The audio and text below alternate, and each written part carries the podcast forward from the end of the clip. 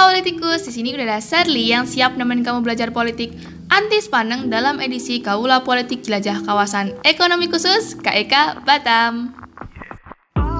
Guys, di sini siapa deh yang hobinya belanja barang-barang kekinian, barang-barang lucu, atau mungkin barang-barang branded dengan harga murah? Kadang tuh nggak jarang ya ketika kita lihat di e-commerce kayak iya ampun lucu banget barangnya atau ih ini barang bener aku bener aku butuhin.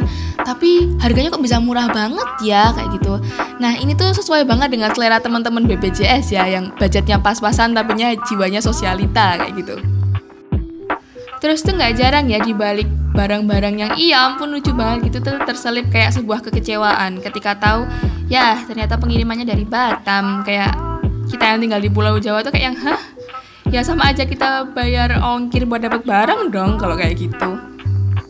Kadang tuh juga ada ya yang ngakalin atau mencari alternatif lain belanja biar dapat barang-barang murah. Itu misalnya lewat black market atau pasar gelap. Ya memang ini tuh ilegal tapi teman-teman di sini penasaran nggak sih kenapa kok barang-barang di Batam itu bisa murah banget tapi kalau keluar jadi mahal? Salah satu alasannya tuh ini teman-teman. Ada kebijakan pemerintah yang memberikan kekhususan buat kota Batam yaitu status free trade zone atau di zona ini tuh bebas pajak teman-teman untuk mendapatkan barang-barang dari luar. Kayak misalnya bebas dari bea masuk, pajak impor, pajak penjualan atas barang mewah, pajak penghasilan, ataupun pajak pertambahan nilai. Padahal kan seharusnya barang impor itu dikenai PPh sekitar 2,5% dan PPN 10%. Nah, gara-gara ini barang-barang yang masuk ke Batam itu harganya jadi murah. Tapi pemerintah juga membatasi nih teman-teman ketika barang-barang ini keluar dari Batam dan mau didistribusikan di Indonesia, itu tuh harus kena pajak sekitar 7,5% buat barang-barang yang nilainya lebih dari 75 dolar. Sayangnya ya nih sayangnya penelusuran langsung tim Jawa Pos pada tahun 2021 itu membuktikan kalau perdagangan black market ini ternyata merugikan negara hampir sekitar 2 sampai 3 triliun rupiah setiap tahunnya teman-teman.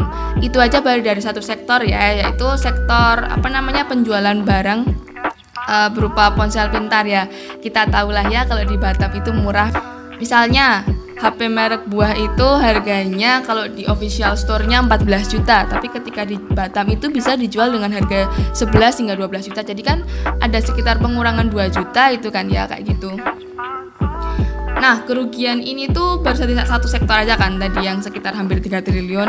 Sementara itu pemerintah tuh memproyeksikan sekitar setiap tahunnya itu ada 20 triliun ya. Negara dirugikan 20 triliun karena adanya kebijakan free trade zone tadi ini, teman-teman. Maka dari itu pemerintah terus memperbaiki regulasinya. Kayak yang mau kita bahas hari ini nih tentang kawasan ekonomi khusus di Batam.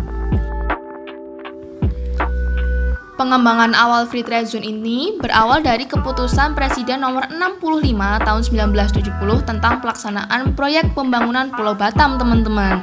Jadi kalau aku boleh mengartikan di sini FTZ atau Free Trade Zone ini adalah wilayah industrial geografis yang terpisah yang dibebaskan dari bea cukai, teman-teman. Jadi tuh kebijakan ini diambil mengingat posisi strategisnya Batam yang ya jaraknya sekitar 20 km lah dari Singapura dan terletak di jalur perdagangan yang benar-benar strategis buat kalau mau jualan transaksi internasional di sana. Selain itu teman-teman, salah satu karakteristik umum dari konsep free trade zone itu yaitu adanya kawasan lepas pantai teman-teman. Jadi posisi Batam yang lepas pantai ini dianggap menguntungkan buat ya kegiatan investasi bisnis lah ya bisa dibilang kayak gitu. Karena posisi ini tuh dianggap jauh dari pasar di mana produk yang akan dijual ini bisa mencari basis nilai jualnya teman-teman. Jadi bisa dijual dengan harga yang lebih rendah sehingga secara nggak langsung itu bakal lebih fokus pada kegiatan ekspor secara eksklusif teman-teman. Selain itu juga Free Trade Zone menawarkan insentif bagi para investor berupa kemudahan fiskal tadi itu teman-teman seperti pembe seperti pembebasan bea masuk, pembebasan biaya penjualan, hingga pembebasan pajak dengan potongan harga teman-teman. Pemerintah pusat dan pemerintah daerah pun berkolaborasi dengan menjalankan Undang-Undang Nomor 36 Tahun 2000 pengganti Undang-Undang Nomor 1 Tahun 2000 tentang kawasan perdagangan bebas dan pelabuhan bebas.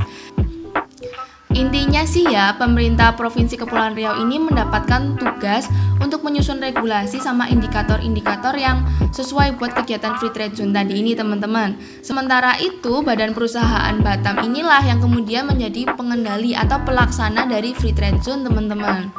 Tapi teman-teman, seiring berjalannya waktu konsep free trade zone ini jadi kurang relevan ya, kurang menjanjikan buat iklim investasi karena adanya dualisme kekuasaan antara pemerintahan daerah Batam dengan badan pengusahaan Batam teman-teman karena tuh investor merasa kayak berbelit-belit gitu ketika kita mau melakukan administrasi buat perizinan jadi itu untuk perizinan pusatnya itu investor harus ke pemerintah kota Batam dulu.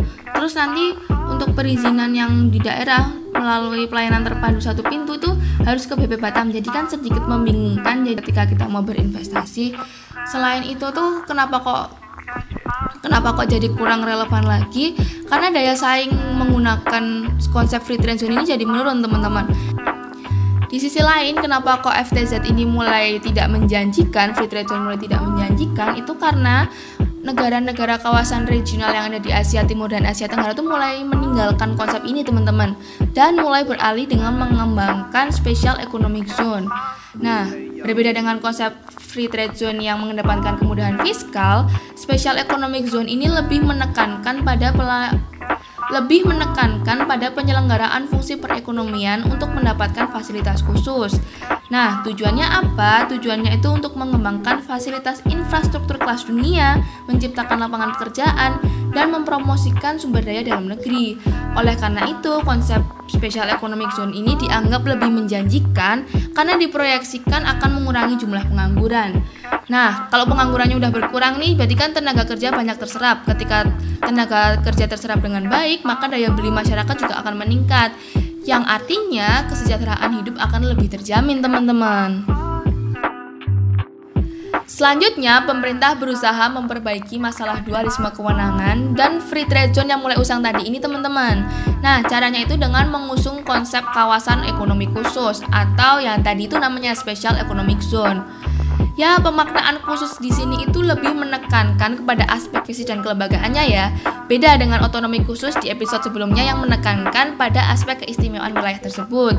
Selanjutnya, biar nggak bingung kita memaknainya kawasan khusus ini itu apa juga juga juga udah dijelaskan dalam Undang-Undang Nomor 23 Tahun 2014 tentang Pemerintahan Daerah Pasal 1 Ayat 42. Kurang lebih bunyinya kayak gini, teman-teman.